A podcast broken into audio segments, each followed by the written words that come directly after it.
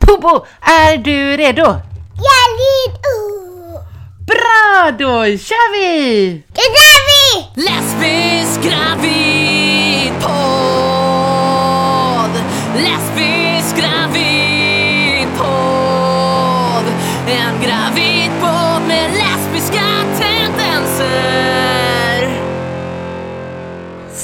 det trendorakel jag är så har jag gjort en liten spaning och noterat att det blir allt mer populärt att gå ut med sin resa mot graviditet och bebis offentligt.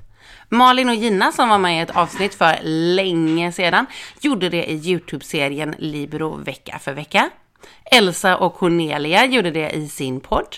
Och i dessa fall som jag tänker på nu så gör folk det genom att skapa ett Instagramkonto där man anonymt eller öppet med vem man är lägger upp de olika delarna i processen och vägens gång.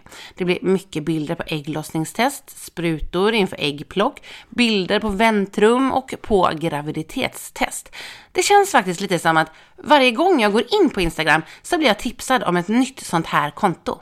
Men varför gör då fler och fler så här? Utan att ha frågat alla så tänker jag mig att anledningar kan vara att få andra att känna igen sig, representation, få andra stöd, att ha en sida att referera till för nära och kära istället för att de ska fråga hur det går hela tiden. För övrigt väldigt smart om man vill slippa de frågorna. Kanske är det också som information till allmänheten om hur det egentligen går till när ett samkönat par skaffar barn. Och det är ju en hel del bra anledningar faktiskt. Eftersom vi aldrig blir med barn av misstag utan en väg av undersökningar, samtal, val av metod och klinik och en hel del annat föreligger så kanske det kan vara en orsak också. Att man också vill visa allt som händer innan. Att det inte alltid blir ett litet lustigt hejsan hoppsan, jag blev visst gravid här hörru. Eller så kanske man också får det mer konkret för sig själv, vad det är som händer egentligen.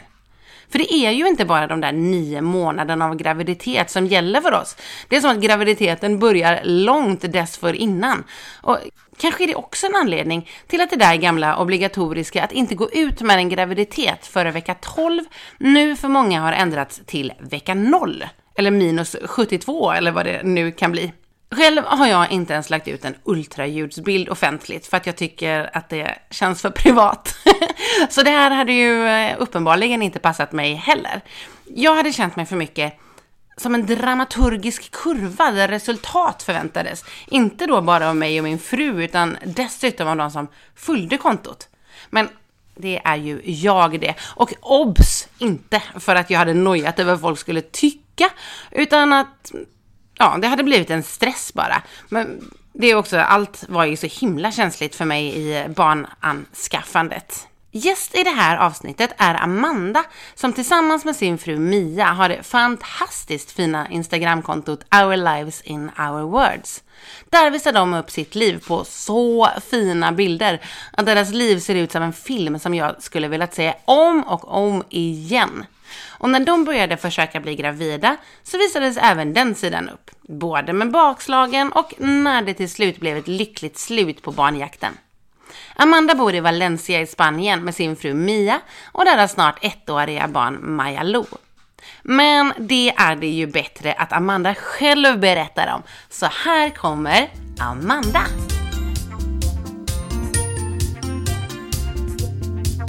Hej Amanda och välkommen till Lesbisk gravidpodd. Tack så mycket. Så roligt att du är med. Har du lust att berätta lite om dig själv och vem du är? Ja, det är typ en supersvår fråga då. Ja. Men ehm, jag heter Amanda, jag är 36 år. Jag kommer från en eh, liten stad i Småland som heter Västervik. Så det är väl typ rakt över landet från där du är i Göteborg Ah, liksom. Ja. Och jag bor mellan, mellan Spanien och Sverige ganska, ganska mycket eftersom Mia, min fru, är från Spanien då. Mm. Och just nu bor vi i Valencia. Jag har precis flyttat hit från en stad som heter eh, Murcia som jag inte tror någon vet eh, vad det är för ställe.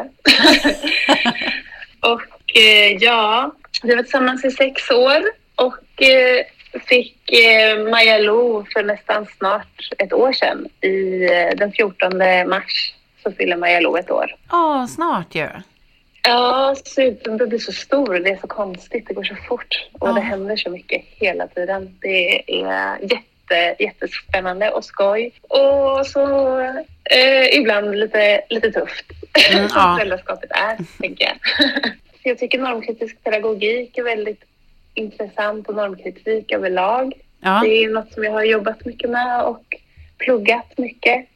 ja kul. Ehm, och så, ja, jag är vegan. Maja Lo är också vegan. Ja, härligt. Det är väl typ det. Ja.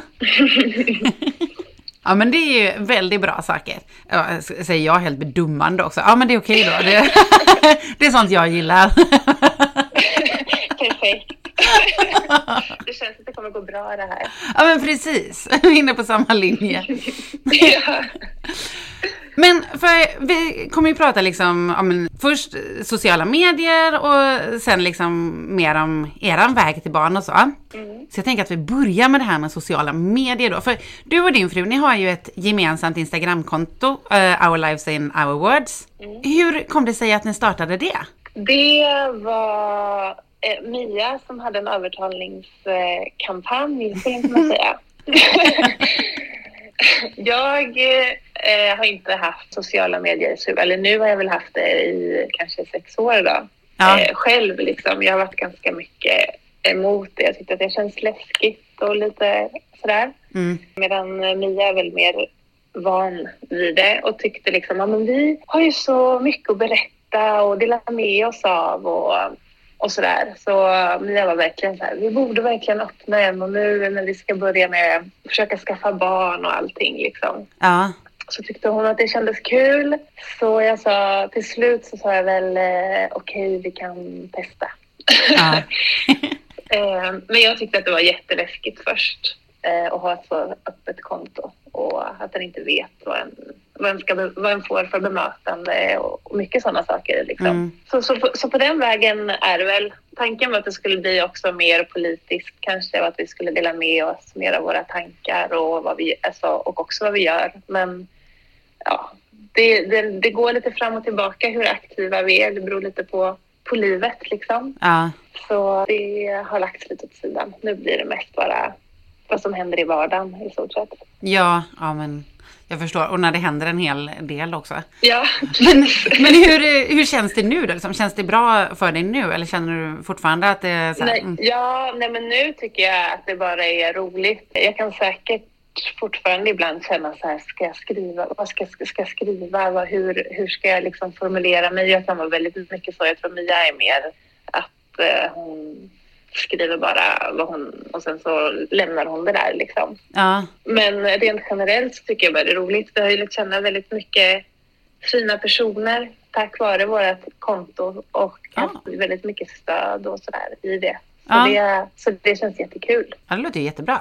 Men Ja, ni har ju helt otroligt vackra bilder. Vem är det liksom som tar dem? Är det en fotograf med er hela tiden? precis. Vi har en egen fotograf som Ja. sitter i vårt konto. Som alltid går med? Nej, oftast är det ju vi som tar fotona själva. Både jag och Mia tycker om att ta foto, men det är ju nästan alltid med mobilen. Mm. Men sen så har vi ju tur att vi också har kompisar som på, fri, eller liksom på sidan av sina jobb eh, också är fotografer. Som gärna, Ah, som gärna tar foton av oss ibland och sådär. Så, så det är lite blandat. jag förstår, jag förstår. Mm. Men för då, men så hade ni med det i tanke redan från start att när ni skulle börja försöka skaffa barn och så, så skulle ni dela med er det, eller av den processen liksom på ert konto? Mm, precis, det var liksom ta- tanken när vi startade kontot. Men sen också i, sen bestämmer vi själva hur, i vilken grad liksom Ja. en, en delar med sig av det. Och eh, ibland kanske det var att den uppdaterade liksom inte samma dag eller så här. Eller, och vissa saker kanske uteblev. Det är liksom beroende på hur dagsformen var, vad som hände och lite sådär. Och precis, precis då började ju våran barnprocess ganska strax efter att vi startade kontot. Mm. Och då var det också väldigt nytt. Så jag tror om vi hade startat det nu kanske vi hade delat mer med mm, oss mer än vad vi gjorde då. Men då var allting så nytt också. Så det var lite sådär upp och ner liksom. Hur var det liksom att dela med sig ja, men, av en så eh, personlig sak som vägen mot bebis? Hur kändes det för er och hur reagerade era följare? Alltså, I stort sett så har vi ju bara fått jättefina reaktioner. Det har väl varit några konton som en typ har blockerat men som har, skrivit, som har kommenterat på något foto eller, eller sådär. Men rent generellt så har det ju varit väldigt så här, positiva reaktioner och jättefina följare som, som, som har varit med under hela processen eller dykt upp under tiden. Och vi har ju också fått jättefina vänner som vi sen har träffat eh, IRL. Mm. Så och, och, som vi, och vissa personer som vi ser fram emot att träffa också. Men Ja. det är ju också lite beroende på vart den är i, i världen och så. Ja, när, när, den kommer, så, när den kommer kunna få träffas och så. Men eh, det, det har varit jättefint också att få så dela historier med andra och att andra har skrivit så privat och berättat om sina historier och hur de har kämpat och, Ah. och sådär. Så det är ju väldigt fint stöd som man får men också som man får ge. Och det förväntade jag mig nog inte med att ha ett så ändå ganska litet konto kan man tycka. Nej men vad bra. Och både liksom Mm. kunna ge och få. Men Ja, ble, blev det någon form av, det kanske bara är liksom en fördom jag har, men att, eller, ja, eller så är det bara att jag applicerar det på mig själv, att jag ska Mm. känna mig liksom så här, stressad på något sätt av det. det. Var det något ni upplevde? Nej, eh, men det, eller, mm, jag kände mig väl lite stressad först, men det var väl mer av sådana grejer som att så här, eh, om man ska dela med sig av någonting som alla personer kanske inte tycker likadant som en själv, alltså mer politiska Mm. saker eller personliga saker som är också politiska. Då tycker jag att det kan kännas lite läskigt och stressigt. Liksom så. Ja, Men, men annars rent generellt så, så tycker jag inte det. Men Nej. det är nog också för att vi har ett, en ganska chill inställning tror jag till vårt, till vårt konto. Vi är ju inte som att vi alltid uppdaterar varje dag. Ibland kan det ta ganska lång, lång tid. Vi är periodare Ja. i, vårt konto, i vårt konto. Ibland är sociala medier. mycket- Ibland är det mycket content och ibland så är det tystnad. ja. men, så, men just det här liksom, vad ska man säga, jakten på barn. Det blev inte att det blev en stress, Ah. typ som att man vill leverera Nej. eller vad man ska säga. Nej, vi, vi har alltid varit väldigt... Eh, jag tror att det, kanske, det beror säkert jättemycket på person till person. Mm. Vi har väl varit ganska... Även om det har varit ganska svårt för oss att få, bli med barn så har vi varit ganska tillfreds mer eller mindre, även om det har varit väldigt tufft och ledsamt ibland. Så har vi ändå tagit det väldigt lugnt. Vi har inte bara kört på liksom, utan vi har pausat ganska mycket under vår process och här, gjort andra saker och rest och tagit hand om oss själva liksom. Så, och tänkt att ja, men det här är nog... Det var, inte, det, var inte, liksom, det var inte nu vi skulle bli med barn helt enkelt. Det är inte dags än. Nej. Försökt att se det på det sättet. Och nu, då hade jag inte heller känts som någon stress rent att folk följer den heller, utan det har bara varit fint. Ja. Ja men gud, ja, det är ju helt idealt. Det är ju så man vill, tänker jag. Känna. Men som är svårt. Men det var ju men jättebra. Jag, jag har ju många, eh, många kompisar som inte eller som också haft det tufft och, och bli med barn. Mm. Och eh, vissa har ju svårare än, än andra liksom och, och får rent psykologiskt liksom att eh, komma vidare och, och sådär. Och att det kan vara kämpigt att eh, om det är något fel med ens, typ att den tänker att det är något fel med ens kropp och mycket sådana där saker som kan vara, kan vara tuffa när den ska bli gravid. Men vi har varit ett väldigt fint stöd och väldigt nära varandra hela tiden, vilket har varit jättebra. Och Ja. verkligen kunnat kommunicera som jag tänker är superviktigt. Det är också lätt att den kanske liksom går var och en på sitt håll när det blir jobbigt. Ja, vad bra. O- Om ni skulle skaffa fler barn, skulle ni liksom Mm. dela med er offentligt av det också, så här nu i efterhand då? Ja, det tänker jag att vi ska. Och eh, kanske inom en ganska snar framtid. Ah, okej, spännande. det, tänker jag, men sen så får vi väl se det kan, hur, hur det blir. Men, men det skulle jag tro att, att vi gör. Men du, avslutningsvis på just det här liksom med sociala medier och så, har du något tips till andra som vill dela med sig offentligt om eh, sin väg mot barn? Ja, att den ska typ bara lyssna på sig själv. Om man är sugen så, så kör. Jag tror att eh, det, det finns mycket att hämta i det, både för en själv och för andra. Så Mm. om man är sugen så, så go for it. Och att eh, också lyssna på sig själv och känna så här, men, inte, att man inte behöver berätta allt eller dela med sig av allt utan lyssna på en själv och göra det i sin egen takt och det som man tycker känns, känns bra att dela med sig av utan, utan någon press, Mm. tänker jag, så, kommer det, så går det fint. Och jag tänker att det finns ett stort behov av, att det alltid finns ett behov av att kunna följa andras processer, processer och inte känna sig så ensam. Så det är väldigt fint. Ja. ja, men vad bra råd Och- också. Ja, kanske. Ja. men du, hur blev ni gravida? Det var ju en process på typ två, två och ett halvt år någonting kanske. Ja. Men eh, då hade vi som sagt en del, en del pauser och gjorde lite andra saker och liksom tog det lugnt mellan, mellan varven. Jag vet att vissa går all in och bara kör på. Nu, okej, ny hormonbehandling nu. Men eh, vi, eh, vi tog det lite lugnt och kände efter lite och, och sådär mellan varven. Mm. Så vi började i Spanien eh, och här gjorde vi först två partnerdonationer och det var på två olika kliniker. Först var vi på en klinik. Jag plockade ut mina ägg då Ja. för att sätta in i, i nya sen. Men eh, då var det inga som klarade sig. De, de frös in ett, men sen så klarade inte upptidningen. Så när vi kom fram och skulle sätta in den dagen så fick vi sätta oss ner och trodde att vi skulle sätta in ett embryo men då visade de istället en video på att den inte, ja, när de, när de tinade upp den helt enkelt, att Ja. den, den eh, rörde inte så mycket på sig. Usch, tråkig vändning. Så, ja, ja, jätte, då bodde vi i Murcia och åkte till Valencia också. Eh, så det Mm. var ju liksom två och en halv timme i en bil. Jättenervösa på morgonen och Jaha. sen så kom han fram och så var det ingenting och så skulle vi åka hem igen. Ja, nej Så det var, det var väldigt, eh, det var ganska tufft just då och, och vi förväntade oss inte alls det eftersom allt hade liksom sett bra ut ändå Mm. fram till, fram till dess.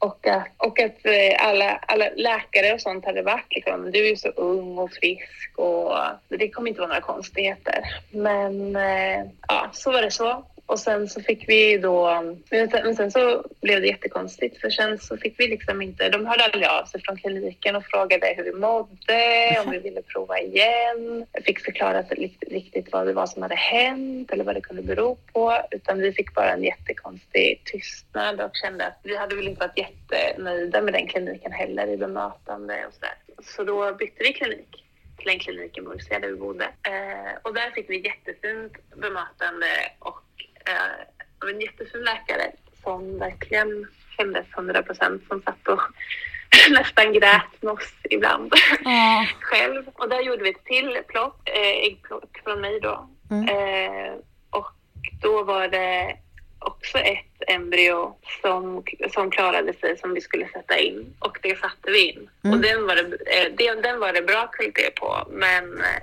det funkade ändå inte då. Då fick vi i alla fall reda på att eh, det som är, eh, är att mina äggceller är väldigt eh, sköra. Så när de Mhm. ser när de, eh, i laboratoriet, när de befruktar dem så ser, är, det- är det liksom väldigt, ja de är sköra helt enkelt. Ja. Ah, okej. Så um, då fick vi också reda på att vi skulle kunna bli gravida om, eh, med mina äggceller. Men det kanske skulle kunna bli, eller det hade redan blivit ändå en process med två äggplock. Mm. Jag är ganska spruträdd och Mi- Mia fick ta sprutorna på mig och jag hade typ ångest varje gång. Ja, det kunde blivit en väldigt lång process och kanske aldrig skulle blivit något. Nej. Men så, så då kände vi att ja, men då, vi vill ju bara ha en bebis. Det spelar inte riktigt så stor, stor roll på vilket sätt egentligen. Nej. Så då valde vi att gå vidare med Mia istället. Att hon får bli gravid med sina egna äggceller. Men varför var det ni tänkte på, eller som ni försökte på partnerdonation först? Eller var det någon särskild? Mm, det, ja, alltså det var egentligen för att här i Spanien är det vanligt, ska man inte säga, men eh, det, det, det är inte lika svårt som att, att eller liksom här kan du göra det om du vill. Ja, okej. det, sen är det ju att det är det är privat så det kostar ju en del. Men i alla fall så hade vi några kompisar som hade gjort det. Mm. Och eh, de tyckte att de verkade, det verkade vara en fin process. Ja. Och liksom sådär att få vara mer, tänkte vi, delaktiga tillsammans på något sätt Mm. i hela processen. Men sen så nu med facit i hand efter att ha gjort IVF det känns det ju som att eh, jag känner mig lika delaktig ändå. Så det kändes eh, bara Ja, vad klokt bra. egentligen. Ja, Att den känslan ja, kommer. Det, det känns så här, men vad är det för argument egentligen? Ja. men, men ja, ja. Det, var, det hade varit, kunnat vara fint, men det är lika Mm. fint nu eh, med, med en IVF. Det var nog bara just i stunden så kändes det spännande, tror jag. Och vi, och vi hade möjligheten till det. Det var ju ett privilegium också, Mm. såklart. Ja men precis, ja men det kan jag tänka mig när det är vanligare runt en så ja, känns det ju logiskt som, en, ja, som ett alternativ. Eller bra alternativ. Ja, ja precis. Ja. Men sen så lyckades ju inte det då. Och så Nej. skulle vi flytta till eh, Sverige. För jag skulle plugga klart genusvetenskap. Och då um, så gjorde vi, då tänkte jag, men vi gör en snabb vanlig insemination innan vi drar då bara för att testa. Så gjorde vi det eh, och det funkade inte heller. Och sen kom vi till Sverige och då så ställde vi oss, då flyttade vi till Stockholm och då ställde vi oss i, eh, i kö. Då hörde vi av oss till, eh, till Livio, alltså en av deras kliniker. Och det gjorde, valde vi väl för att de var hbtq-certifierade och det kändes som att det lät, det lät bra. Ja. Eh, och, det, och det var det. Vi, var, vi är väldigt, väldigt nöjda med dem. Och då så frågade jag lite om kötid och så, för vi var också lite stressade eftersom Mia skulle fylla 40. Och Men eh, då så sa de, nej men vi, vi har ingen kö. Eh, Ja. Det är bara det är liksom Karolinska och de statliga som, som har jättelånga köer. Det är bara det att folk inte vet det. Så nu vet ni det. alla, som, alla som funderar på att skaffa barn. Att eh, i alla fall då så hade de ingen kö utan det var liksom att skriva i pappren att de ville ha det vid liv, via Livio. Mm. Eh, och sen så blev det liksom godkänt och när det blev godkänt så fick vi börja vår process då.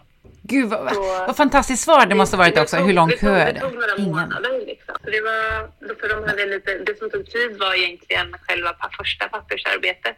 Att, bli, att det skulle gå igenom för de hade något strul.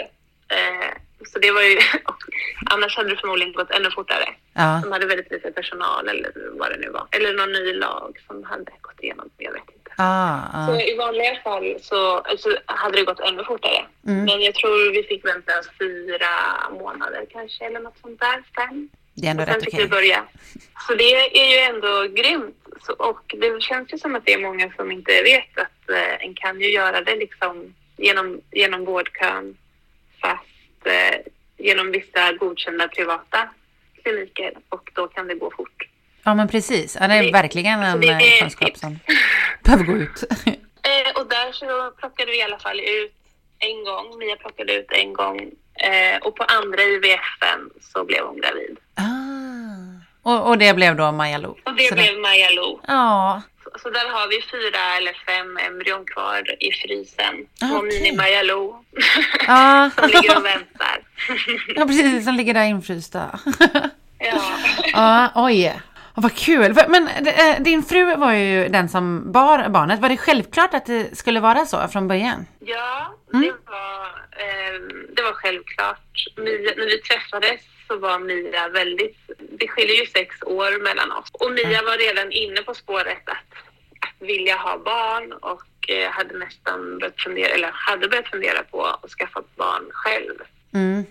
För att de tänkte att de kanske inte skulle träffa rätt person. Och så kom du. Så kom jag.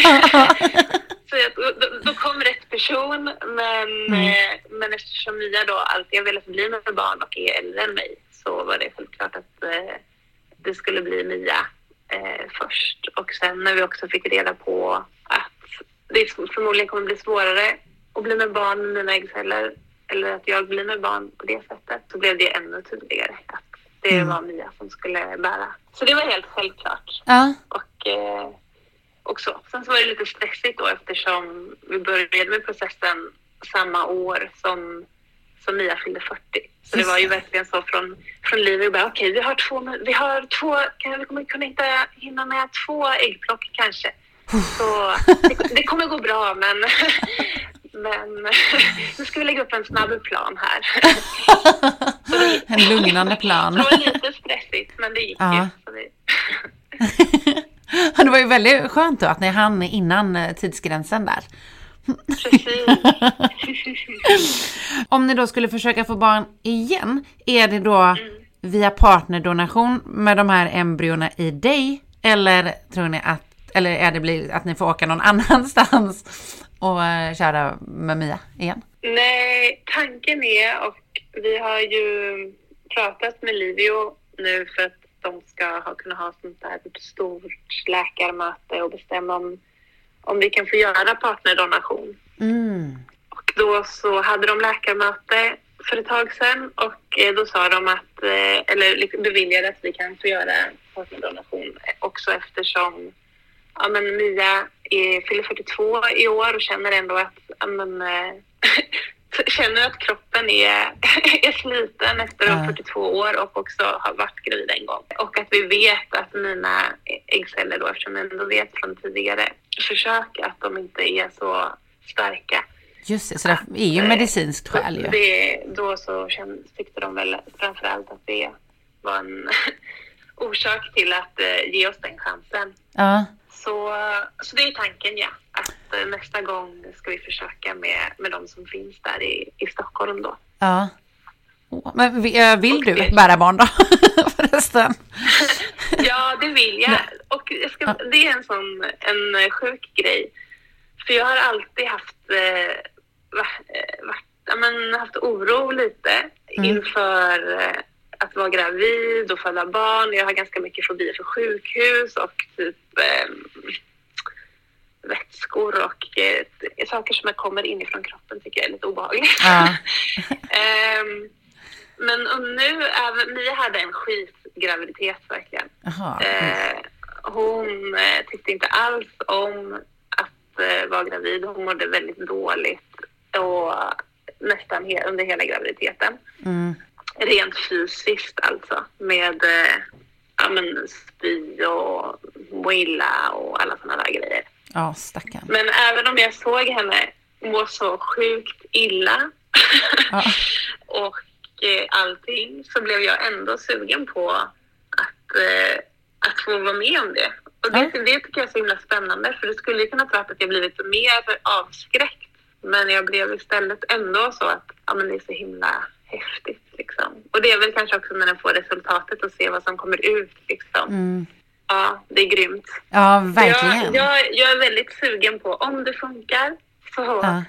så är jag väldigt sugen på att få se hur det, hur det är. Ja, jag, jag tycker det är fantastiskt. Bara säga i alla fall, jag mådde jättebra hela tiden. Eller det gjorde jag inte ens, men jag, jag var jätteglad ändå. Och mådde bra. Det var bara lite förkylning och sånt. Men Vill, du, vill, du, bli- vill du bli gravid igen då? Mm. en, får, en fråga, får en motfråga? ja, men precis. Alltså, jag slits som mellan det. För att jag är 41 nu. Och eh, alltså, jag älskar det så mycket att vara gravid. Och att föda. Ja. Inte så att ha barn. Nej, jag skojar bara. Nej, det är helt fantastiskt också såklart. men, men jag vet faktiskt inte liksom heller bara om jag skulle orka. Nej. B- både psykiskt och fysiskt. För att det är ju rätt mycket, eh, ja, även om det är helt fantastiskt så är det ju en del jobbiga grejer med. Och, ja, jag vet inte, för jag behöver ju ta det beslutet ja, men rätt snart känner jag. Mm. Så jag, mm, jag har inte Ja. helt bestämt mig än. Nej, jag, förstår- jag förstår. Det är ju mycket saker att ta i beaktande, ändå. Ja, precis. Det är ju så mycket liksom som står eh, på spel. Ja, verkligen. Ja.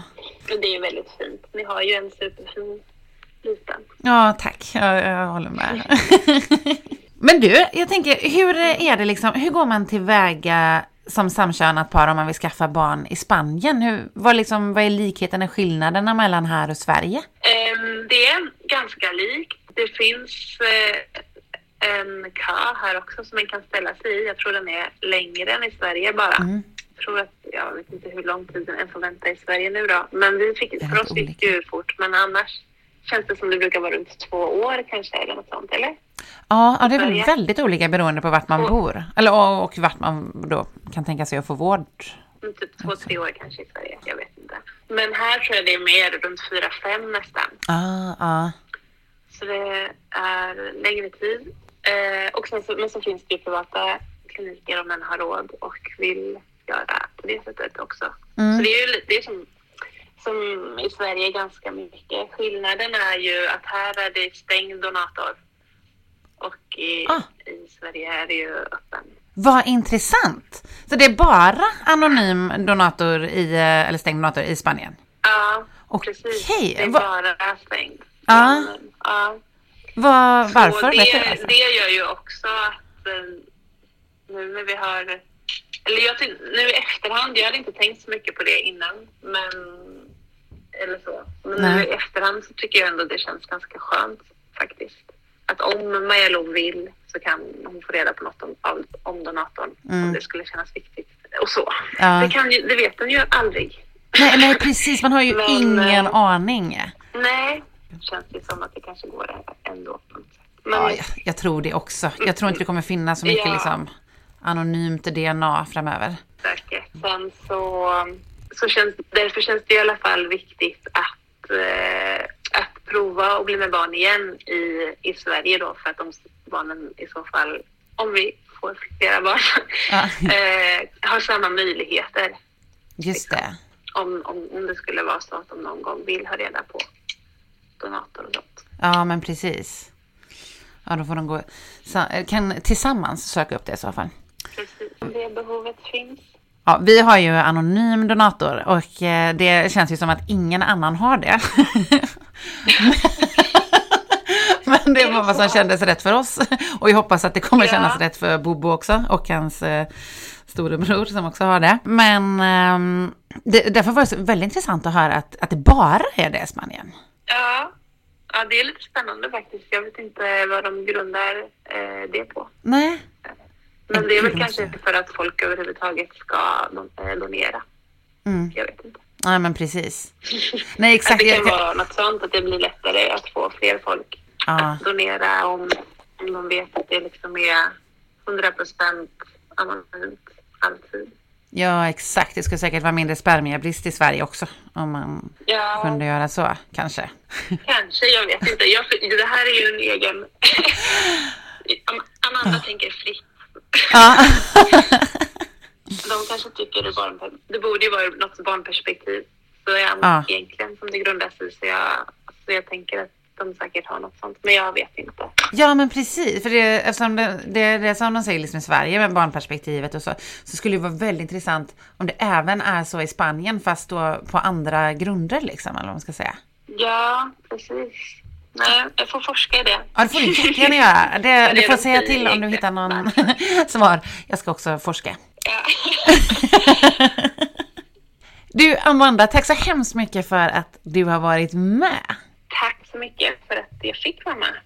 Det var jättekul. Ja, jättekul att ha dig med och väldigt spännande att höra din historia.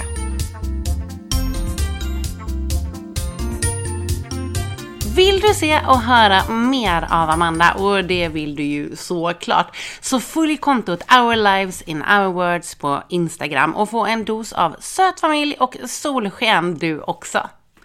Jag är så fascinerad av det här med att man i Spanien bara kan använda sig av anonym donator. Jag har inte forskat vidare på det nu, så vet du varför? Hör gärna av dig och berätta. Men som vi sa så är det säkert eh, ur ett barnperspektiv där också.